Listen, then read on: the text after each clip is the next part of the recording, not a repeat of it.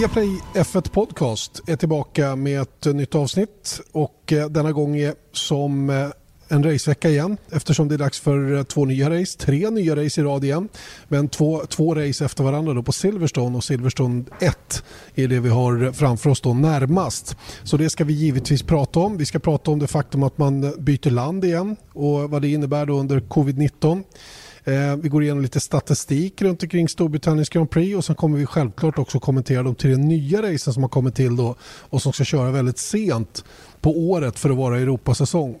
Eh, och eh, vi kommer även att kommentera lite grann att man har gjort vissa ändringar även då i Indycar eh, av samma anledning då för att få till sina 14 race som är ambitionen där borta. Eh, Ferrari håller ju på att göra lite omstruktureringar, det kommer vi givetvis in på också. Och sen har vi en liten ny programpunkt idag. Vi tar en, eh, vi tar en, vi tar en spaning, kan vi kalla det det, på hur man ska få in nya unga fans i Formel 1 och hur ska det gå till egentligen. Eh, och då börjar vi i riktigt låg ålder den här gången. Men det kommer vi Ja. till om en liten stund. Erik Stenborg. Precis. Tack, hej. Hej. Hur mår du? Ja, du har en lövskog bakom dig Ja, på den, bild. den är fake för det är en sån här, eh, det är en sån, eh, vad heter det? Eh, Det är väl inget, förr i tiden hade man ju såna här prof, eh, tapeter vet du, med motiv, motivtapeter. Mm. Jag tror inte att det är en sån, det verkar vara någon form av eh, sån här ljusscreen. Jag sitter nämligen på Drive Center Arena uppe i Fällfors utanför Skellefteå. För det är Mm. nämligen dags för eh, Porsche Carrera Cup att köra ett nytt race. Och de gör det för ovanligt en skull mitt i veckan den här veckan. Så att nu när vi spelar in där i tisdag och racet kommer att köras onsdag kväll. Båda racen ser ni eh, på, på V-Sport Motor och på Viaplay. Så att jag är här för att jobba med det kort och gott. Men hinner ju givetvis med att spela in en podd också. Det hoppas jag. Och sen ska du träffa en prominent gäst som är gästförare den här helgen. Just det, eh, det är danske Kevin Magnussens pappa Jan som har blivit inbjuden då att köra en av gästbilarna den här helgen. Och det ska bli kul att prata med honom faktiskt. Och, och det ska ni ju se mer av eh, kommande helg då i våra Formel 1-sändningar. Jan Magnussen då som har kört allt. Jag tittade igenom lite grann vad han har hållit på med genom sin karriär och det är banne mig inte många biltyper han inte har raceat i och dessutom på väldigt hög nivå överallt. Imponerad, jag är riktigt imponerad måste jag säga. När man, titt, när man, när man tittar på uppställningen så, där, så är det lite kul faktiskt. Får jag komma med ett, ett, en rolig kommentar? Ja, Ingen racing utan Magnusson. nej, så är det ju. Magnusen. Magne, ingen racing utan Mange. Så är det ju faktiskt. Mange, Magnusen, ja, ja men det var ju roligt. Eh, Jag undrar ju alltid om du har någon spaning sen senaste veckan, har du det? Eh, att jag inte förbereder spaningarna bättre. Ja, men eh, jag tar det här då. För det var ju ändå jag som har skrivit de här poddpunkterna som vi ska hålla oss till den här i veckans avsnitt. Och det är just den här grejen att de har gjort alltså 15 000 tester.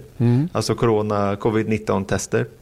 Två, eller tre, Två. Två, ja, två eh, tester har varit positiva och då har det varit några sådana här lokala det var ju Budapest som de hittade de här eh, positiva testerna.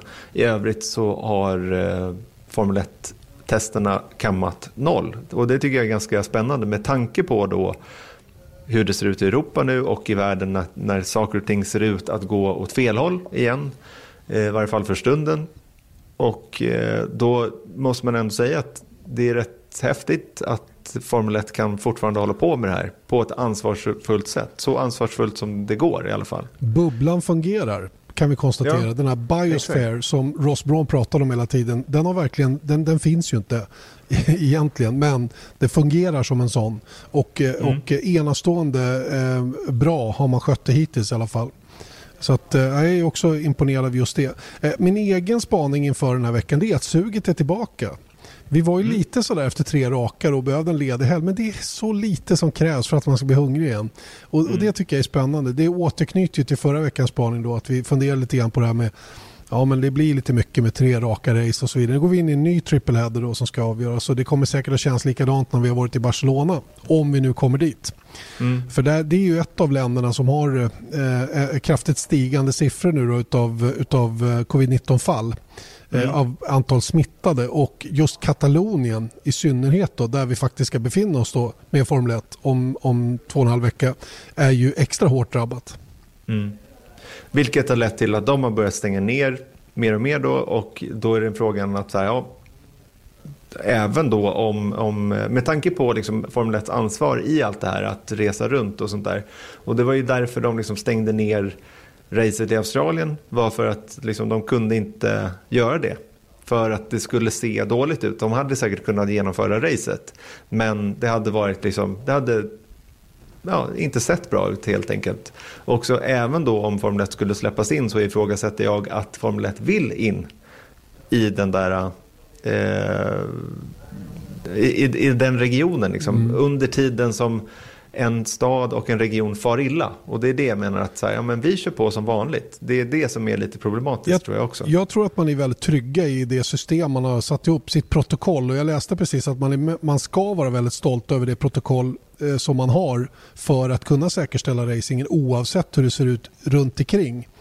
Och det, och det är nog det som, som gör att de faktiskt tror att det går att genomföra ett race även i ett land som, som Spanien då, och, och, i Katalonien då, nära Barcelona där, där utbrottet eller en andra våg eller vad vi nu ska kalla det då, har satt igång på fullt allvar igen. Eh, mm. och, och, kan de fortsätta hålla den här bubblan vilket ställer mm. stort, stora krav på alla inblandade att verkligen hålla sig i den här sociala bubblan som alla har då, då kan det här funka faktiskt. Det, ju, och det finns inga restauranger, ingenting öppet nu. Det är nedstängt i Barcelona så nu får man klara sig själv.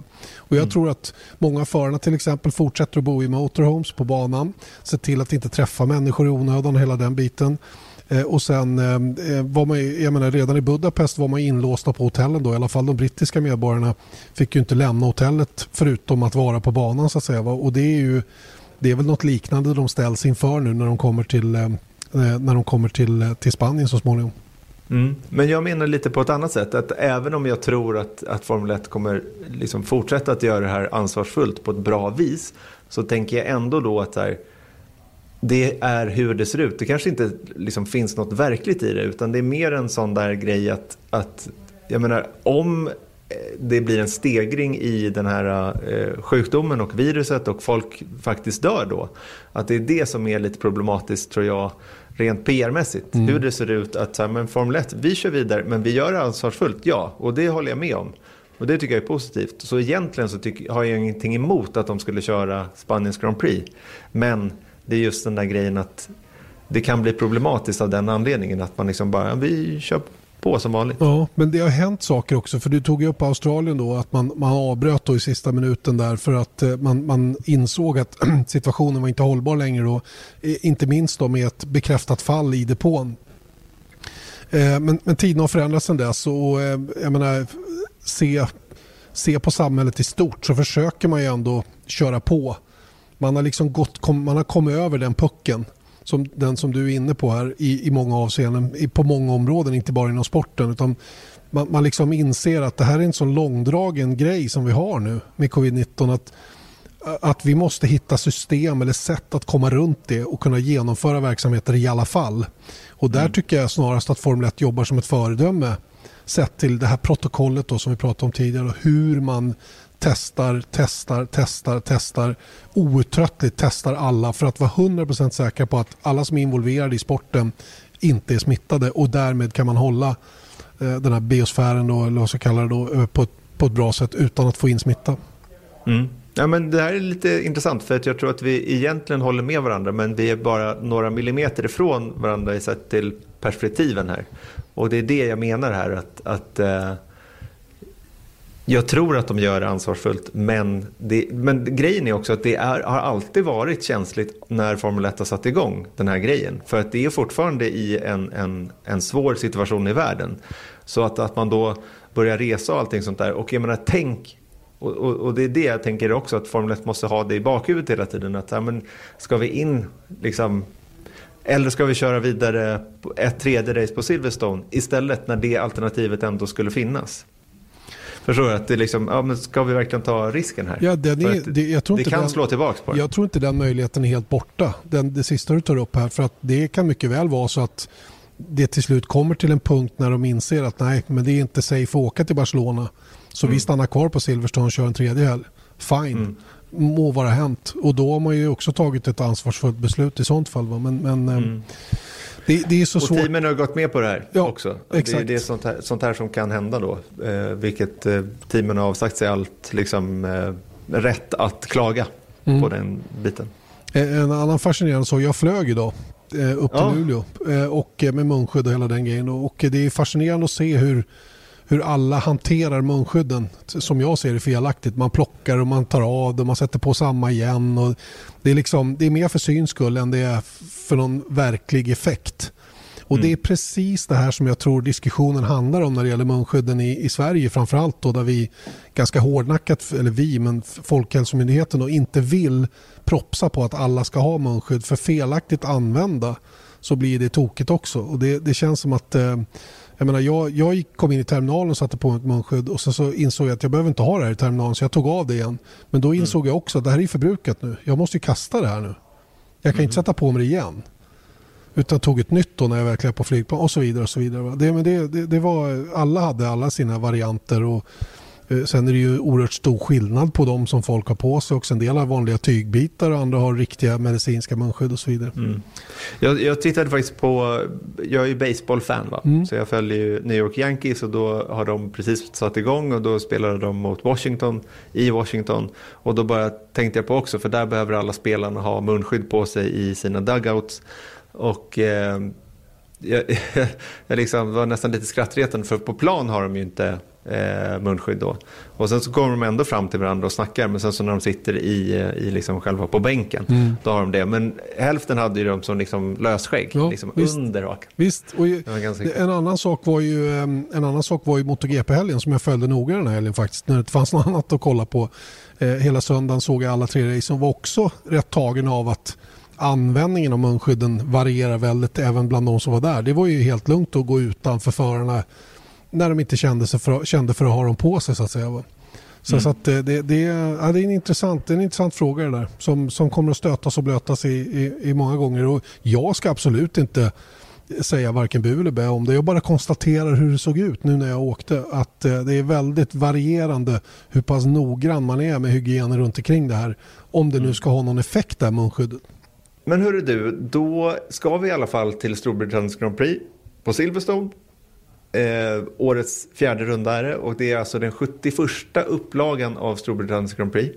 Vilket just nu är mest av alla Grand Prix i F1-historien. Men redan i år så kommer Italien, även de köra sin 71 upplaga.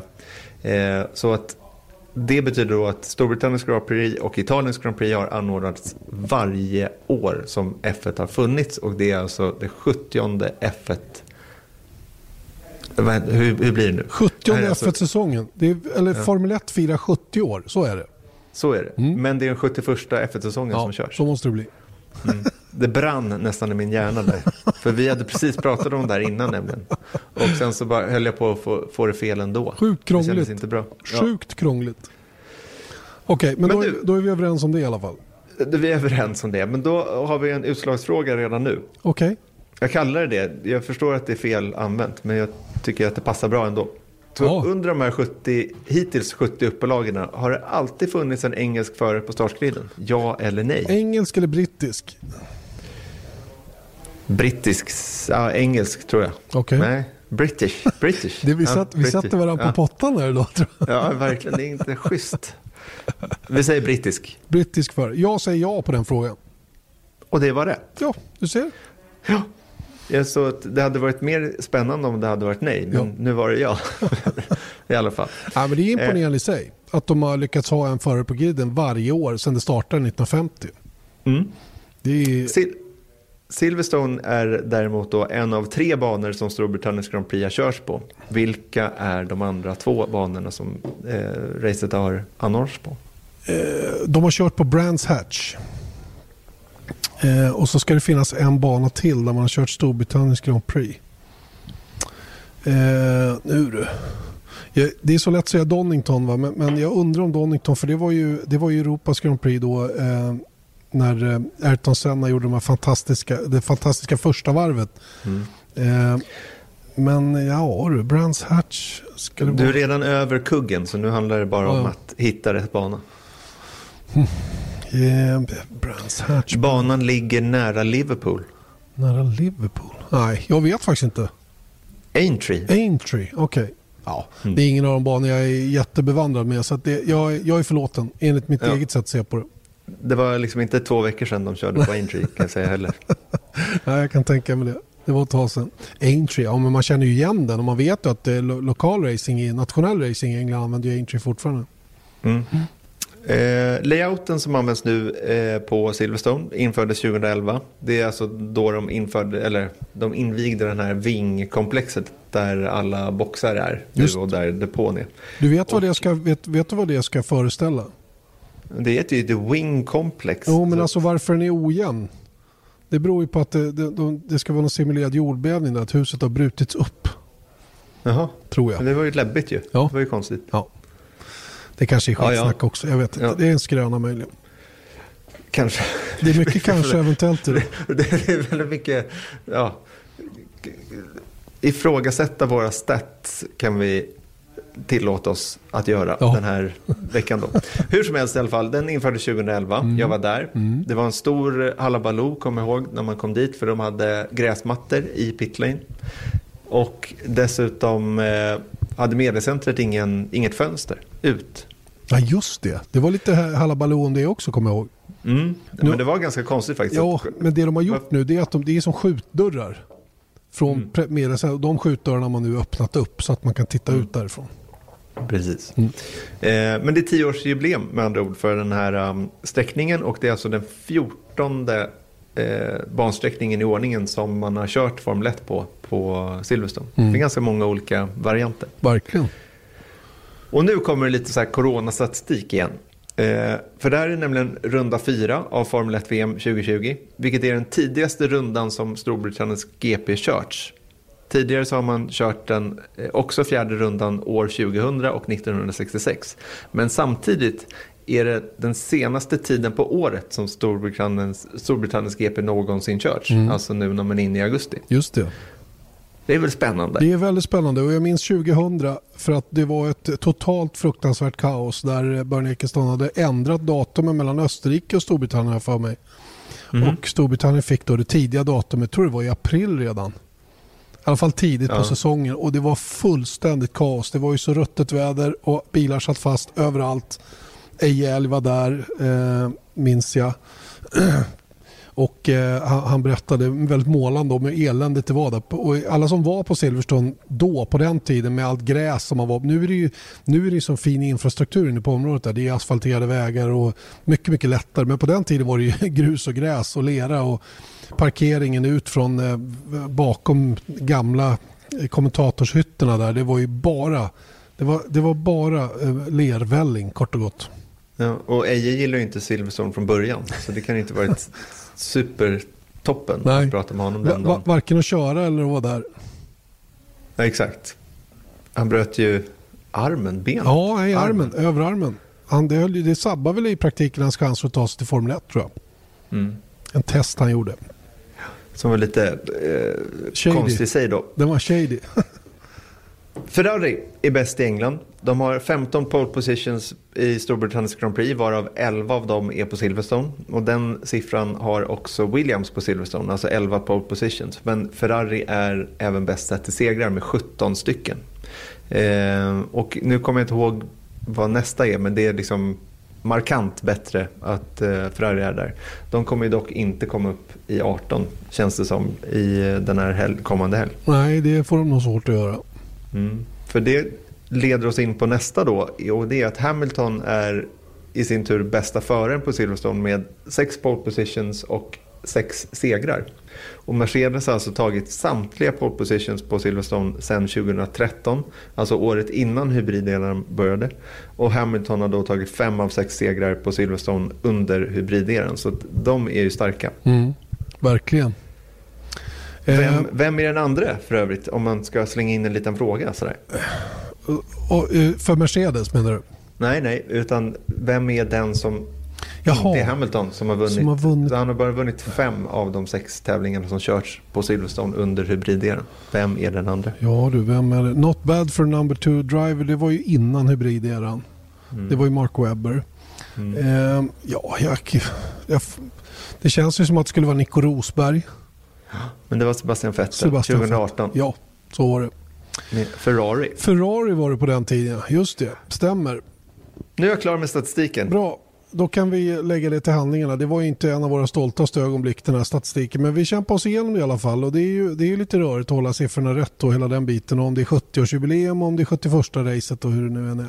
Men mm. jag hoppas att ni har överseende med detta. Det var lite rolig kuriosa runt omkring racet i vilket fall. Eh, tänkte vi kommer in då på det faktum att det, det nu då är klart med tre ytterligare race. Eh, det vill säga vi är uppe i 13 nu då på den här icke färdiga kalendern som, som är i ständig förändring då hela tiden. Och det landade till slut på tre banor som, där i alla fall två har varit med i diskussionerna egentligen hela tiden när man har pratat om att och, och, och tillföra race. Eh, och eh, Imola till exempel då som är en av de här tre, de valde ju att, eh, att se till att få sin gradering, grade A-gradering eh, väldigt tidigt på året då när de så insåg vart saker och ting var på väg och har väl, tror jag, om jag har förstått saken rätt, tidigt också erbjudit sina tjänster. Mm. Eh, och sen har vi Portimao då, som är ytterligare en bana då där det normalt inte körs Formel 1. Eh, och eh, där det aldrig har körts Formel 1-tävling för övrigt. Portimao då i Algarve i Portugal som, eh, som är en otroligt intressant bana. Och det tredje är då Nürburgring. Där vi, där vi kommer tillbaka då för första gången sedan 2013. Senast man körde på Imola är för övrigt 2006. Eh, när du ser de här tre banorna då och ser också tidpunkten på året, vad, vad är din första känsla? Ja, alltså det är någonting som man reagerade ganska snabbt på, kände jag själv. Och det var just Nybering. Jag kommer inte ihåg, de är väl först ut i oktober, eller hur är ordningen? Ja, är, de. de är först. Nybering är först. Ja, men om man tittar på deras weather averages i, ehm, i oktober så har man då en, en eh, hög temperatur på 10 grader och låg på 5 grader. Och jag har ju varit ganska mycket på Nybering och kört på Nordslingan och sådant och även i oktober. Och det var liksom regnade oupphörligen den gången. Jag menar, det var ett år så jag kan ju inte säga att jag har all statistik genom att vara där en gång. Men, men det är ju skakigt väder även när det är full sommar där. Och jag tror att liksom det stora problemet på Nybering kanske inte är, om det regnar så regnar det. Det regnar ungefär tio dagar i oktober eh, i snitt då, eh, på, runt Nybering. Men det är just kylan. Det kan ju bli en så här disaster-grej. För att det kan faktiskt bli så att även om det är torrt och det är sju grader varmt, då funkar ingenting plötsligt. Nej, det gör inte det. Och, och jag var ju som sagt, jag berättade väl det förra veckan om testen i, på Kota då i våras när Indycar var där och, och, det var så kallt så att däcken inte fungerade. Det var inte så kallt och eländigt på banan så det inte gick att köra men det var, det var eh, så pass kallt att man bedömde att det var farligt för för uh, föraren att vara ute och köra eftersom däcken aldrig skulle kunna komma igång så att säga. Så, mm. så att det, det, där är ju ett uh, jätteproblem de står inför om det är de där låga temperaturerna som gäller den helgen. Det kan lika gärna vara 20 grader också, eh, ska man väl också komma ihåg. Ja, det, det, kan det absolut vara. Men, men det, så det, det, är, det är lite som så New York, att det kan vara så här, fan, 17 minusgrader och eh, 20 grader. Tre dagar emellan bara. Jag vill minnas, nu minns inte jag om det här är en test eller om det var en racehelg, men de var där i september och körde och då snöade det. Mm. Så, så att, eh, inte under själva racet men under någon av träningsdagarna eller om det var en test som man körde där. Men det var i alla fall snö på Nürburgring. Mm. Och, och, och, det, jag menar, det, det, säger väl egentligen allt. Det här är en jättechansning att åka till Nürburgring i oktober. Punkt slut. Mm. Eh, och det, det, hänger ihop med att man, man, eh, man är i stort behov av banor som kan arrangera och Nürburgring har erbjudit sig. De mm. tror själva på att det här går att genomföra. Eh, jag har ju varit där massor med gånger och, och varit med om busväder. Inte minst den här gången om det var 2007-2008 då när Marcus Winkelhock ledde ett varv.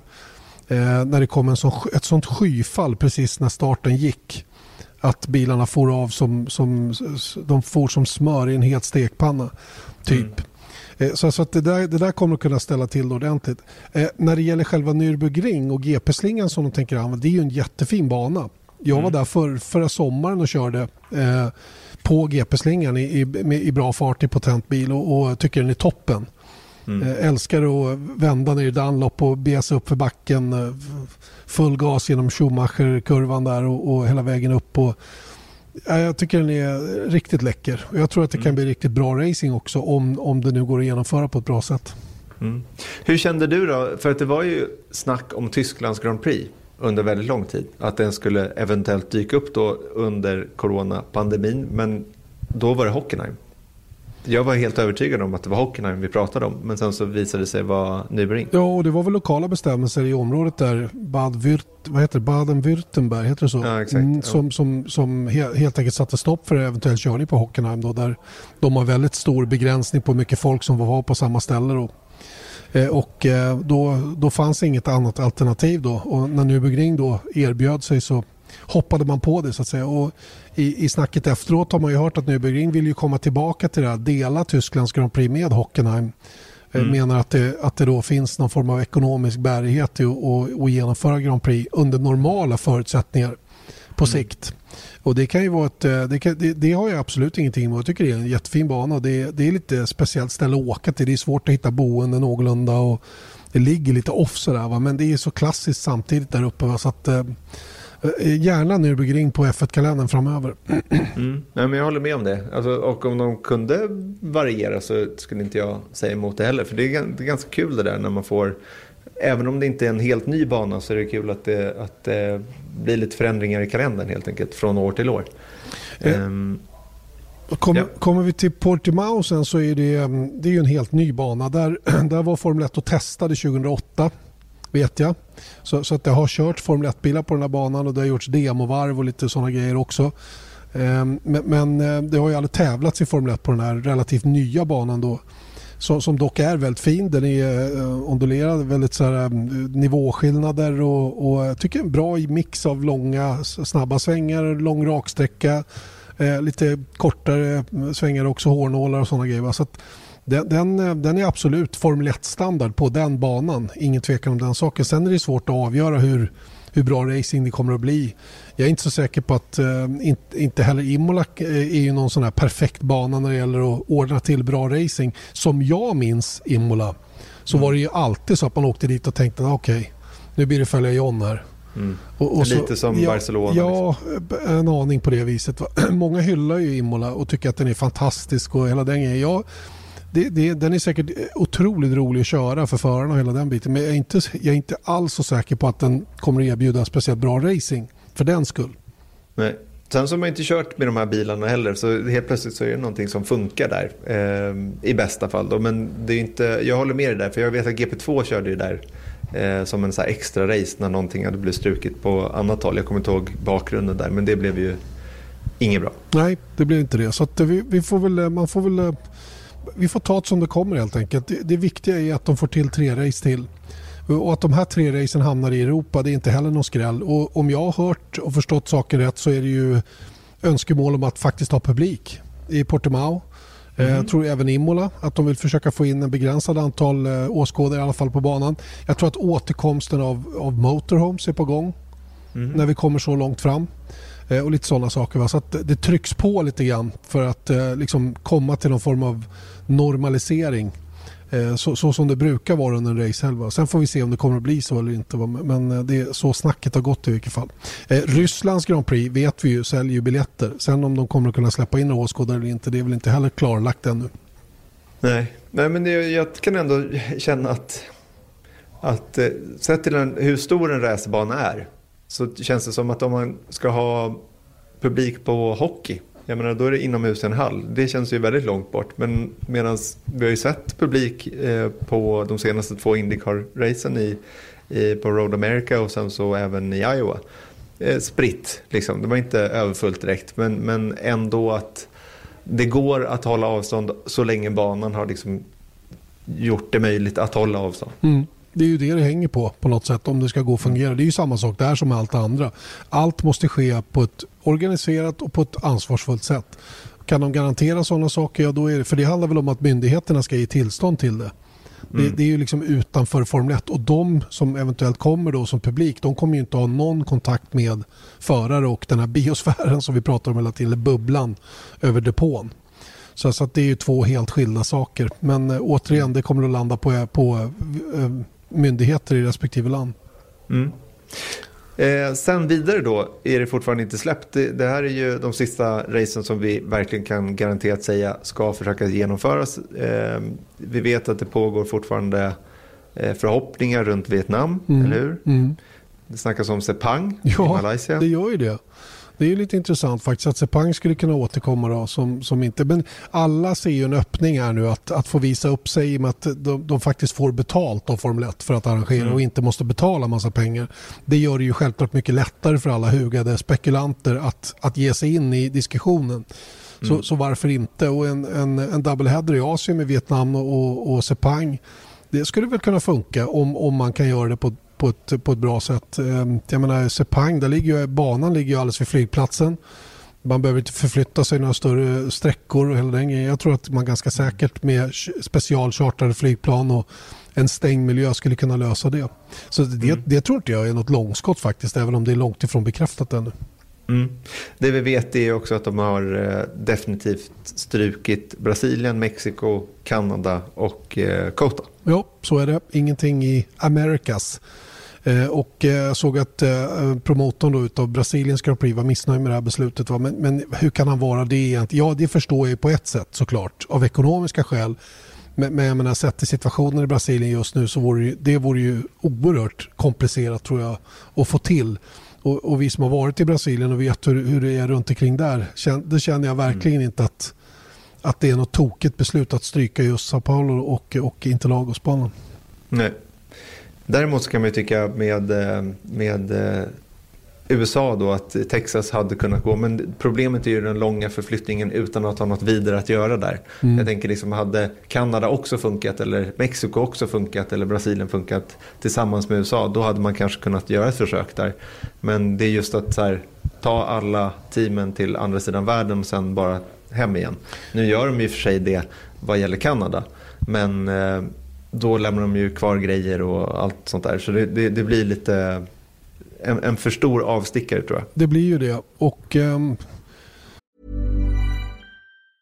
Normally, being a little extra might be a bit much, but not when it comes to healthcare. That's why United Healthcare's Health Protector Guard fixed indemnity insurance plans, underwritten by Golden Rule Insurance Company, supplement your primary plan so you manage out of pocket costs. Learn more at uh1.com. Det, det är ju... Det är ju eh, tråkigt för de arrangörerna att inte få till några race när, när situationen är som den är. Men, men eh, jag, tror att, jag tror att Formel 1 är, det har ju varit mycket snack om att man måste köra på fler än en kontinent eller två kontinenter för att få upp ett världsmästerskap och hela den biten. Och där var väl Ross Brown ganska tidigt inne på att det finns undantag. Man kan, man kan säga att en förare är världsmästare trots att man bara har kört på två och inte tre kontinenter. Mm. Men, men eh, ja, det, det... Vinner man World Series i baseball så blir man världsmästare. Ja. Det säger allt. Exakt, och då spelar man bara i USA. Och i ja, Kanada. Och Kanada. Ja, ja. Nåväl, det om detta då. Ehm, men ehm, som sagt, eh, efter det då så är det ju fortfarande Gulfen då med två race i Bahrain och ett race i Abu Dhabi då som fortfarande eh, är det som det pratas om. Och det känns som att de är ganska säkra korten då sett till hur det ser ut just nu. Eh, sen får vi ju se vad, vad, vad, det, tar vägen med allting. Men, men eh, då har vi åtminstone en kalender på 16 race och då har man ju uppnått det, det mål som man hade med den här säsongen att få ihop minst 15 lopp. Mm. Och eh, det finns säkert massa reservdestinationer fortfarande tillgängliga om det skulle krävas. Absolut. Eh, även ändringar i Indycar. Eh, det är problem på västkusten i USA och inte bara coronaproblem om man ser till Laguna Seca som ett problem där med eh, de är så beroende av volontärer och då har det blivit en schism mellan banan egentligen och volontärorganisationen som gör att de kommer få svårt att, få ihop det också. Men mm. det har gjort att de har strukit eh, Portland och Laguna Seca och istället då ska de köra en dubbelhelg på Indianapolis eh, Motor Speedways Road Course eh, som de ändå skulle tillbaka till till det som de kallade för Harvest Classic. Och nu ska de köra två race där och sen så även två race kom näst, nästa helg på Mid Ohio. Mm. Det är ytterligare en doubleheader va? Är det inte det? På en liten ja, val? Eh, på Gateway. Gateway, just det. Ja. Så det är ju sex race då som de får ihop på de tre då. Eh, yes. För det som försvinner är ju ett i Portland och två då på Laguna Seca. Som man då mm. ersätter med ett, då, ett extra på Mid Ohio, ett extra då på, på Indianapolis Motor Speedway och så eventuellt två stycken också på Gateway. Då. Mm. Eh, och där har man ju ambitionen att nå upp till 14 race för att få ihop sin säsong. Då. Så att, eh, det, det, det, måste vara ett oändligt pusslande och det är lite tråkigt att vi ägnar merparten av en sportpodd åt sådana här grejer. Va? Men, men det, är ju, det är ju verkligheten just nu. Det går inte, går inte att göra så himla mycket åt. Viaplay F1 Podcast där du lyssnar till i vilket fall som helst. Janne Blomqvist, Erik Stenborg som eh, går igenom senaste nytt angående Formel 1 där vi alltså Storbritanniens Grand Prix då kommande helg. Ett av två race på Silverstone. Eh, och eh, ni har fått lite statistik, även om den hackade lite emellanåt så var det i alla fall lite statistik. Eh, och eh, om vi ska prata något om det sportsliga Erik så, så eh, kommer vi in lite grann på Ferrari igen. Ferrari som då eh, nu bestämt sig för att göra vissa omstruktureringar i teamet till slut. Eh, väldigt mycket tror jag tack vare en massa påtryckningar utifrån. Eh, det kommer nu en, en performance division och man har utsett bland annat en ny teknisk chef. Och det har man ju faktiskt inte haft någon sen Mattia Binotto tog över då för några år sedan eller något år sedan när han blev team principal då efter att ha varit teknisk chef i teamet då efter James Allison som lämnade och flyttade hem. Och det här är ju saker som säkert är bra, eller vad säger du? Ja, och, men det var ju någonting som vi har pratat om de senaste veckorna, faktiskt ganska mycket, är just den här strukturen i, eh, i, i Ferrari. Helt enkelt att man ifrågasätter den ganska starkt. Att tidigare, menar, man har gått igenom ganska mycket teamchefer de senaste åren. Eh, och det har liksom egentligen inte blivit någon större skillnad. De har verkligen varken blivit bättre eller sämre. De har liksom legat där på andra, tredje plats under hela den här tiden egentligen. Och eh, det här är väl då en tanke då att istället för att liksom skicka iväg Mattia Benotto eh, som är en viktig kugge i Ferrari som jag upplever i alla fall eh, och var en duktig teknisk chef så att sparka bort honom och sätta in en ny, ja men det kanske de inte ser som en, en ja, det, det, skulle väl kunna vara en så här short term eh, solution för att så visa att man gör någonting. Men istället så går de på det här spåret och verkligen ska sätta den här performance division.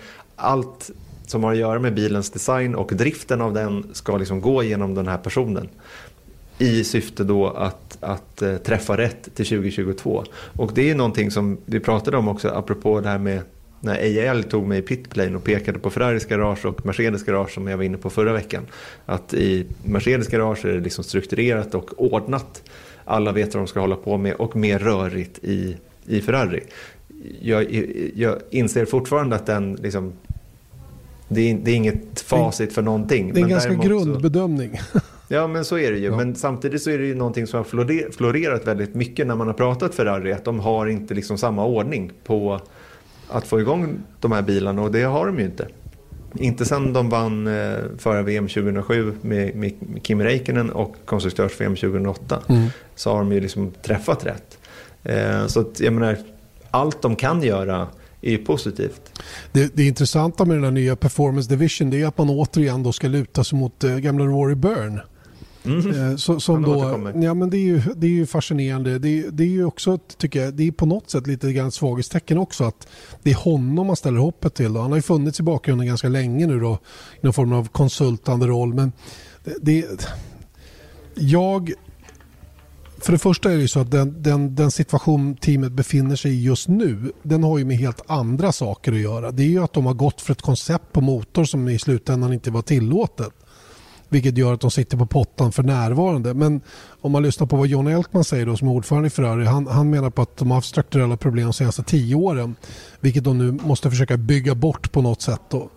Eh, och vi kommer tillbaka till Mark Webbers ganska tuffa uttalande då att ska Ferrari någon gång lyckas så bör de flytta till England. Mm. De behöver bli ett anglosaxiskt team och jobba på det sättet för att få, få någon ordning och reda på det. Vilket sannolikt aldrig kommer att hända. Eh, men, men Ferrari kan inte göra så mycket nu än, än, att bara glömma de här två säsongerna med, med det de har för närvarande och börja sikta på 2022. Vilket vi hör från ganska många. Eh, Alonso har sagt det till Renault också, skit i 21, vi kör för 22. Alla sätter hoppet till 2022. Jag tror att mm. ett, ett McLaren gör samma sak. De, de, de tar ju steg framåt men de har långt kvar innan de är i den absoluta toppen och 2022 det är dit alla blickar just nu då, vilket gör ju Mercedes resa ännu enklare på något sätt. För de är ju redan, de har ju, de har ju rätt med allting. Mm. Ja, det känns ju lite som att den kan ställa in skorna och sen så vinna 20 och 21 också. Ja, på något sätt är det ju så. Och, och, ehm, och de andra teamen tar ju faktiskt deras exempel. Sett till vad de gjorde till 2014. Det var ju liksom alla resurser på 2014 att vara redo då.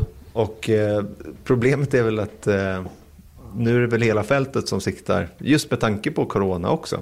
Som gör att ja, men det här får bli lite mellanår och nu kör vi mot 2022. Och vet du vad det här pekar på också, som är en viktig ingrediens i Formel 1? Det är att du måste vara på, rätt på det från början.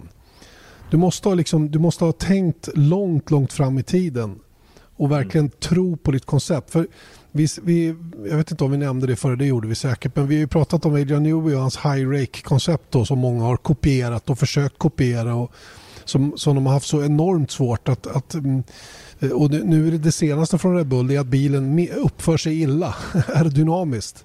Mm. Eh, I, i, i, deras försök att göra bilen snabbare i långsamma kurvor vilket har ställt till det för dem i största allmänhet. Och jag, är, jag är förvånad, eller jag är, jag är snarast lite småchockad över att ingen har, har överhuvudtaget övervägt att gå Mercedesvägen.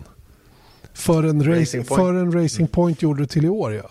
Mm. Och, och, det, och det säger ju en del och de hittar en hel sekund. Mm. Pang bom bara.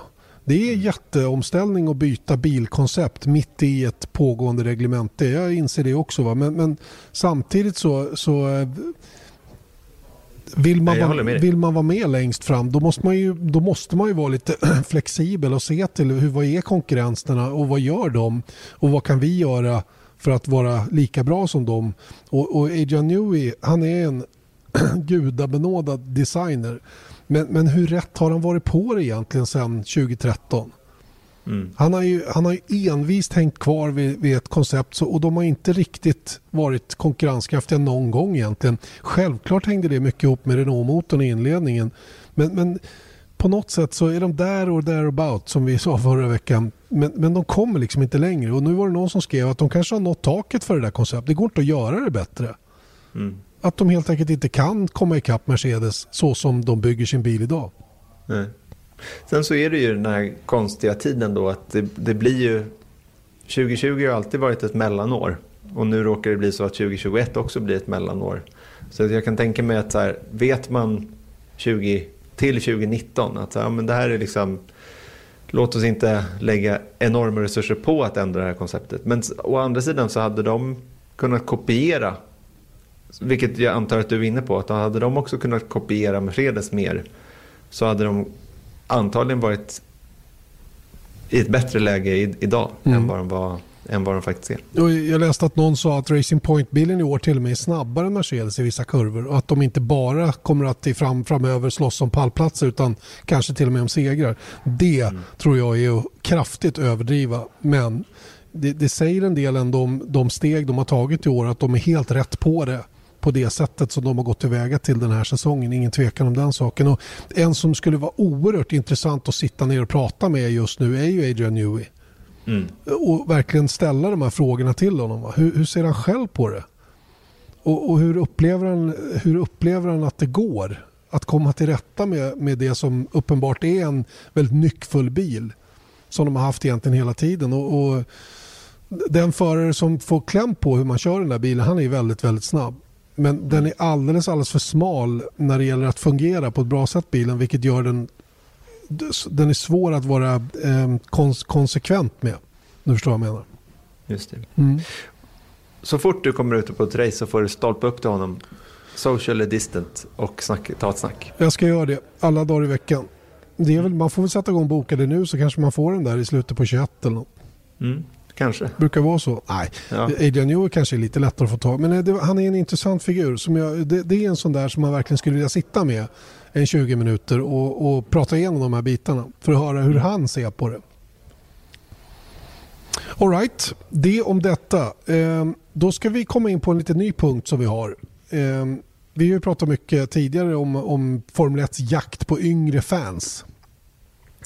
Och det är inte så himla lätt att nå de yngre fansen. Man har gjort det naturligtvis genom gamingvågen som har blivit då att man eh, startat e-sportserier och försöker att fånga upp eh, yngre människor i vilket fall som helst. För det är ingen tvekan om att racingpubliken är väldigt mycket äldre. Eh, och att man, om man nu ska få påfyllnad bakifrån så behöver man hitta någonting som attraherar även de yngre. Du mm. sitter ju hemma med en sjuårig son. Ja. Och du är ju själv redaktör för Formel 1. Du borde vara världens enklaste att få din sjuåring att tycka Formel 1 är det roliga som finns. Precis. Är det det? Så skulle man kunna se det. Men det tycker inte han. Det är inte så att han, att han eh, inte gör det. Men han, han är inte liksom... Jag upplever helt enkelt att han tycker att det är lite tufft. Att, eh, att, eh, dels kan det vara en reaktion för att jag håller på med det så mycket. Och då kanske han inte vill det av den anledningen. Men jag tror också att, att det är just att, vi har pratat om det där, att det är ganska höga trösklar att faktiskt förstå Formel 1 på den nivån så att du i alla fall kan tycka att det är lite intressant när du råkar ramla över ett race. Eh, då behöver du ändå ha liksom lite grundkunskaper. Så jag tror att, jag menar, och en, en eh, sjuåring kan du inte sätta framför eh, Drive to Survive heller för att förstå den grejen. För då behöver man kunna engelska och sådant. Om du är eh, engelsktalande så går väl det bättre då. Men är, sam, samtidigt så är det liksom, det, det är lite för ungt. Men däremot så, då bara slog det mig att jag borde sätta mig ner och prata med honom lite. Och jag ser två syften i det här. Dels att jag ville fråga honom hur han ser på saker, men också då att berätta för honom om vad de, i väldigt stora penseldrag vad Formel 1 är. Kanske kan det här användas till någon annan som lyssnar som kanske vill attrahera en, en flickvän eller en pojkvän eller en eh, mamma eller en pappa eller en son eller en dotter att börja titta. Så då, då får man kanske lite matnyttigt med sig bara för att förstå ungefär vad Formel 1 handlar om. Sagt och gjort. Här kommer Gusten. Välkommen till eh, Viaplays F1-podd. Gusten, Hej, tack. kan du presentera dig själv? Jag, jag heter Gusten, jag är sju år och jag ska börja ettan i höst. Det är sant. Och du gillar egentligen mer fotboll än Formel 1, eller hur? Men Formel 1 är... Jag gillar Formel 1 också. Okej, jag tänkte göra så här att jag kommer berätta lite saker för dig och sen kan vi prata lite runt, runt det då. För Formel 1 är alltså världens största motorsport. Det är nästan 500 miljoner människor som tittar på Formel 1 när de kör. Och, och i Sverige bor det ju 10 miljoner människor. Så det är som att 50 stycken Sverige sitter och tittar på, på Formel 1 när de tävlar. Det är rätt mycket, eller hur? Ja, verkligen. Men varför tror du att det är så många som tittar på Formel 1? Kanske, kanske är det för att det är så häftigt. Alltså en grej skulle kunna vara att det är häftigt att bilarna går så himla himla fort. Ja, ja, ja. Det är det. Kanske, ja. Okej. Dessutom då, jag sa ju att det var 500 miljoner människor som tittar på Formel 1. Men vet du var Formel 1 kör när de tävlar? De åker ju runt i olika länder. Kan du säga några länder som de kör? De kör väl i typ alla länder. Alltså, jag kan ju säga, alltså, liksom Kommer du ihåg något ställe där jag har varit? Dubai. Ja, i Dubai har jag varit. Men då har de kört i Abu Dhabi och det är precis en grann, grannland. Men de kör alltså över nästan hela världen. Och det kanske också är det som gör att det är så populärt på så många ställen. Eftersom de kommer dit. Liksom. Ja. Och det brukar hjälpa. Om man tänker sig att det är en fotbollsmatch. Om Milan åker till Sverige och spelar. Då hade ju du gått dit och kollat, eller hur? Ja. Det skulle, ha eh, det skulle vara mycket bra om de spelade på fotbollsplanen i stan. Ja. På din skolgård? Nej, på Stora. Ja, ja stora där. Zlatan kommer dit. Han har ju varit i närheten. Men i alla fall, jag drar några länder som de kör i. Australien, det är ju på andra sidan jorden. De kör i Kina, Italien, Tyskland, Abu Dhabi som du sa, Brasilien, USA, Kanada, Japan, Mexiko. Det finns hur många ställen som helst. Och du har varit på en av de mest populära banorna. Jag har inte nämnt det i landet. Men kommer du ihåg vilken det är? Mm, nej. Nej. Kommer du ihåg att du var där med mamma och Boe och sen så gick du runt där och tittade ner? Ja, ja, ja, ja, ja, ja, det, det. Det är Monaco. Och den är helt knäpp, den banan. För den är så smal. De kör den på stadsbana kallas det. Vem var det som körde där då? Mm, Kommer du ihåg? nej. Björn. Kommer du ihåg Björn? Ja. Ja. Det var han som körde och han vann ju tävlingen. ja. Ja. Det var när de körde det där historiska racet och det gjorde de, gör de varannat år, två veckor innan det riktiga Monacos Grand Prix. Men det är det största racet. Men det är också ett ganska tråkigt race faktiskt, för det är väldigt svårt att köra om där. Mm. För Formel 1-bilarna går så snabbt och de är ganska stora nu för tiden. Och de har svårt att liksom komma nära varandra just av de här vingarna.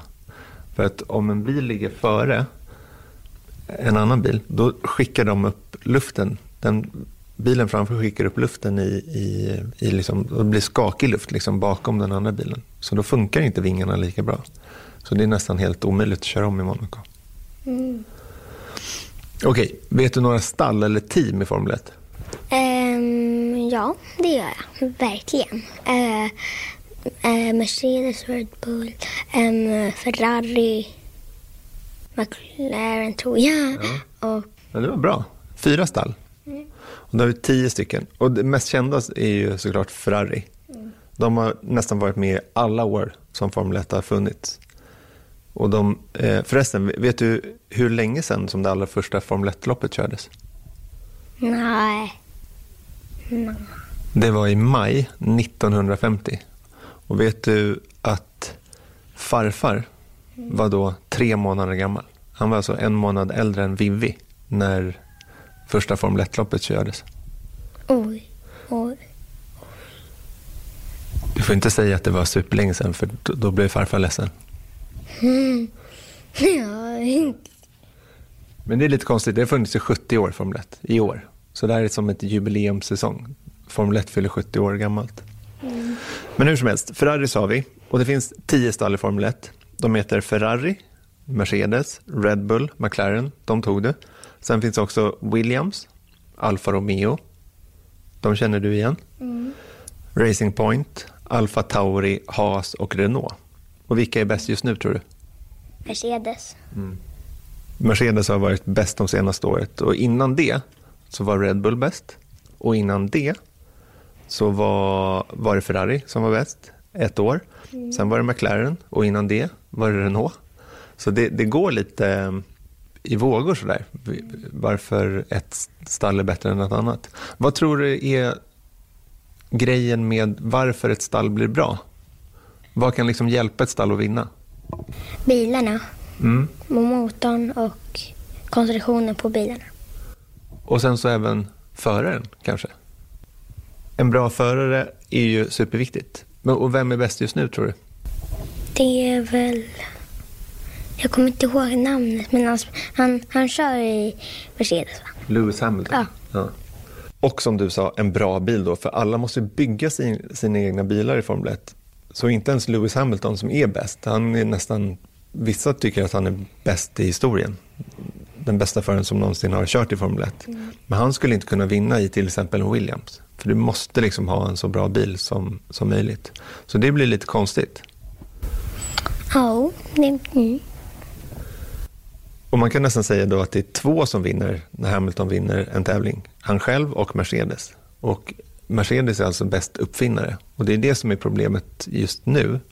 Är att Mercedes är så himla bra. Och Ferrari och Red Bull som är kanske de som borde vara näst bäst eller kanske skulle kunna slå Mercedes. De har liksom inte tillräckligt bra uppfinnare skulle man kunna säga.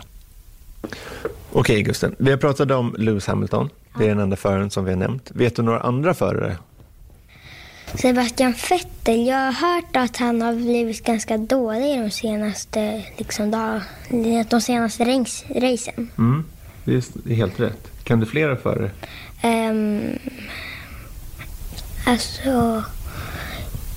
De är inte så lätt att komma ihåg. Det... Marcus Eriksson, han, ja. han är ju... Precis. Och Marcus Eriksson, du har ju träffat Marcus Eriksson. Mm. Han körde i Formel 1 i fem år. Och sen så fram till förra året då lämnade han Formel 1. Han körde för Alfa Romeo det sista året han körde. Mm. Och nu så kör han istället i Indycar istället.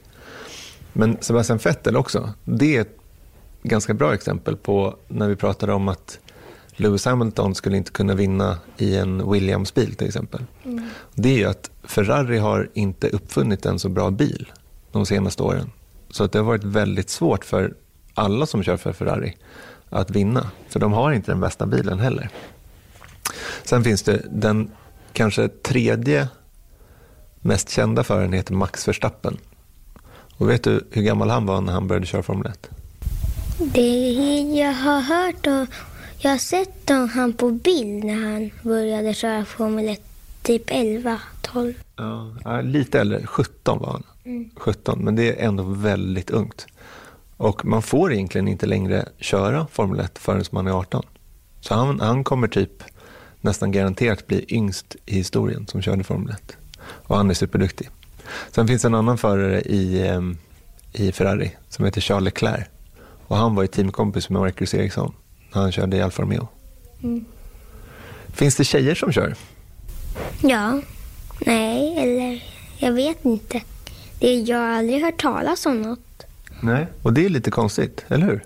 Ja, men det, jag tror det bara är för att tjejer, liksom, tjejer blir inte så intresserade av Formel 1. Nej, det är faktiskt, jag tror du är helt rätt inne på det. Det finns ju väldigt många, alla de som kör Formel 1 börjar i gokart. Och då är det, finns det en hel del tjejer faktiskt. Och sen så på något sätt så blir det så att ju högre upp man kommer, desto svårare blir det för en tjej att köra vidare i Formel 1. Vet inte, och det, det finns ingenting som är så här, du vet i hockey eller fotboll, då, spelar ju, då har man ju damlag och herrlag. Och det är ju för att oftast då blir ju killar lite starkare och längre, alltså längre ben så de kan springa snabbare. Men i Formel 1, då sitter man i bilen och kör. Så det finns ju ingen anledning att en tjej inte skulle kunna köra Formel 1. Ja. Vad tror du, tror inte du att det skulle vara rätt bra om folk skulle bli intresserade av Formel 1? Om, om Vivi till exempel. Om du skulle köra en, din lilla syster Vivi, vi har inte presenterat henne direkt. Men om hon skulle ha, se en tjej som körde Formel 1, då kanske hon skulle tycka att det var mer spännande att titta på Formel 1 också. Ja. Okej, sista grejen här då. Vi pratade ju förut om att bilarna går fort. Och du gillar ju inte när jag kör fort eller gasar på för mycket. Det känns lite farligt ju. Ja, men inte när, inte när du kör Porsche. Nej, nej då känns det bättre. Men du, du vill inte att det kanske låter så högt där inne då? Nej, mm. men jag gillade det när jag var liten. Då somnade jag en gång. Ja, du somnade då för att det var så högt ljud. Men har du funderat någon gång på om Formel 1 är farligt? Jag har sett Eh, väldigt farliga krascher mm. när man flyger ut ur bilen och massa grejer. Ja. Och grejen är att Formel 1 är ju lite farligt, men nu för tiden är det ändå väldigt mycket säkrare än vad det har varit. Förr i tiden så gick bilarna nästan lika fort, men de som körde hade typ t-shirt och en så här liten skinnmössa på sig. Och inga säkerhetsbälten. Man tänkte på, på riktigt alltså att det var bättre om man kraschade så var det bättre att flyga ur bilen och landa i typ en buske istället för att sitta fast i bilen. För det var en massa så här, bensintanken var precis runt föraren så det var ju totalt livsfarligt att sitta fastspänd i bilen. Kan du tänka dig det, att krascha i en bil och sen så hoppas på att man flyger ut? Det låter inte så smart, eller hur? Ja, det är inte alls så smart. Men, mm. om, man, men om man gör bensintanken lite bort ifrån föraren. Mm. Och det är typ sådana grejer man har gjort nu. Och förbättrat säkerhetsutrustningen. För nu har man ju hjälm på sig. Och de är gjorda i någonting som heter kolfiber. Så de hjälmarna skulle man kunna sätta på marken och köra över dem med en buss. Och de skulle inte gå sönder ändå. Så då är det mycket säkrare idag. Mm. Men förr i tiden så var det faktiskt många som eh, slog sig väldigt illa och ibland dog faktiskt. Och sen så har de också brandsäkra overaller ju och säkerhetsbälten. Sex säkerhetsbälten kan man säga att de har faktiskt. Ja. Va? Har de det? De har ett som går så här över axlarna, båda axlarna. Sen så runt magen så här. Och sen så mellan benen också. Så de sitter fast som stenhårt i de där bilarna. Men när man åker så fort så kan det ändå bli farligt ändå. Och det var en kille som heter Schul Bianchi som slog sig i huvudet så mycket så att han dog. Och det var bara fem år sedan. Så det är en farlig sport ändå. Och det är lite konstigt, men vi pratade ju tidigare om varför vissa tycker att Formel 1 är så kul. Och det här tror jag är en grej också, att just att det är lite farligt gör folk, gör folk tycker att det är lite extra spännande. Mm. Men du, vad känner du för Formel 1 då? För din favoritsport är ju fotboll. Vad skulle du vilja se i Formel 1? Det är en svår fråga.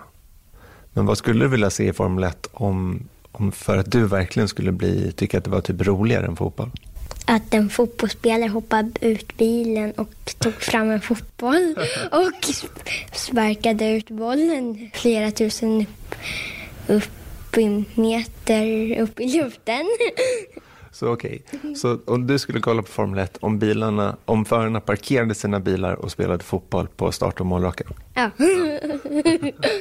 Ja, Gusten är smart där. Han tycker att alla borde sluta köra och spela fotboll istället. Då, då är han hemma. Exakt, det var inte så att jag liksom verkligen knöt in honom i Formel 1-follen här, känns det som, efter den här. Verkligen inte. Ja, ja, men det är inte så lätt. Och, och det här är intressant tycker jag med, med, med kids. Eh, vad, vad, är en ung, vad är ett ungt Formel 1-fan? Hur ung kan man vara för att kunna tillgodogöra sig Formel 1 som sport? Mm. Visst, på nördnivå så behöver man ju kanske kommit en bit upp i åren för att förstå alla teknikaliteter, hitta och ditta. Men själva tävlingsmomentet, kan man ta det till sig lika mm. lätt som Gusten gör till exempel med fotboll då, som han har lättare att tycka om? Ja, alltså jag tror just det faktum att här, man fattar fotboll väldigt lätt. Sparka in bollen i mål, eh, du får ett poäng. Jag menar, that's it. Så det, det är ju... Har du förstått fotboll? Man får inte ett poäng för det. Jo, men du får ju ett mål. Det blir 1-0 i alla fall. Och poäng flest... poäng ja, får man när man vinner fotbollsmatcher. Ja, okay. Eller spelar oavgjort. Och då, ja, ja. Men du förstår vad jag menar. Att det är bra att göra många mål och gör man flest mål så vinner man. Så, så kan man ju säga. Så är det. Helt rätt. Och sen så visst, i sin renaste form så är Formel 1 så att du startar och sen så ska du köra första mål under en viss tid. Men då är det ganska långt. Ett race, det tar två timmar och det är väldigt mycket strategigrejer som gör att det liksom möjliggör. Ibland är det liksom, eh, spelar ingen roll om man har en jättestor ledning och så kanske man inte vinner i alla fall. Och du förstår att det, det, det är, om man verkligen försöker se på det från en sjuårings ögon så är det ju helt obegripligt. Mm. Tror jag. Jag förstår att det är det. Nåväl, det var intressant att höra honom i vilket fall som helst. Och vi får se om han, om han fastnar för det här då när han blir lite, lite äldre. Och kan Grejen är att han tyckte det var väldigt kul att spela in podd. Han var väldigt nervös i början men sen så tyckte han att det var toppen och han har erbjudit sig att vara med varje vecka. Han bara, är det all, spelar ni alltid in på tisdagar? Frågan Och jag bara, ja. Han bara, okej. Okay. Bra. Jag kan vara med nästa vecka. Då, då är det klart. Han har skrivit in det ja. i sin kalender. Ja, han, är typ topp, alltså. han är toppen Gusten, alla dagar i veckan. Mm. Det är klart han får vara med flera gånger. Hörrni, eh, det, det känns som att vi eh, ska ta runda av där. Ehm, vi har ju eh, som sagt helg, Formel 1-helg. Det är lite senare tider på fredagen. Eh, det är ju en timmes tidsskillnad mellan England och, och Sverige till att börja med. Så att de börjar att köra klockan 11. Eh, vilket man gör, eller gjorde i Österrike och i, i Budapest också. Det innebär att träningen startar klockan 12. Så allt är skjutet på en timme. Då. Sen så gör man tvärtom på lördagen och sen så börjar racet då 10 över 2 på söndagen. Då, vilket betyder att det går 10 över 3 svensk tid och vi börjar 14 och 15 med vår sändning där. Right on. Och ni kommer som sagt då att få träffa Jan Magnussen, pappa till Kevin Magnussen. Jan Magnussen som kört Formel 1. Körde Formel 1 mm. inhopp för Mika Häkkinen 1995 eh, i McLaren och sen så körde han ju för Stewart. Eh, Jackie och Paul Stewarts team, Stewart Ford. Eh, och gjorde väl ingen succé trots att han var ansedd av de flesta att vara en av de största talangerna som har kommit in i Formel 1. Mm. Mm. Lustig situation även eh, om allt går i lås, Sergio Perez. Ja, du ser. Eh, och även eh, en, en, tror jag, intressant vinkel sett till vad vissa team i MotoGP håller på med på väldigt likt sätt som, som eh, de jagande teamen i Formel 1 gör. Att, jag, att jaga en väldigt övermäktig eh, motståndare. Exakt. Mm hur tar man sig an det? Just och så tittar vi på eh, de likheterna och skillnaderna. Mycket bra. Nu ska jag ägna mot Porsche Carrera Cup istället för Formel 1. Så hörs vi om en vecka igen. Toppen. Hej, hej. hej, hej.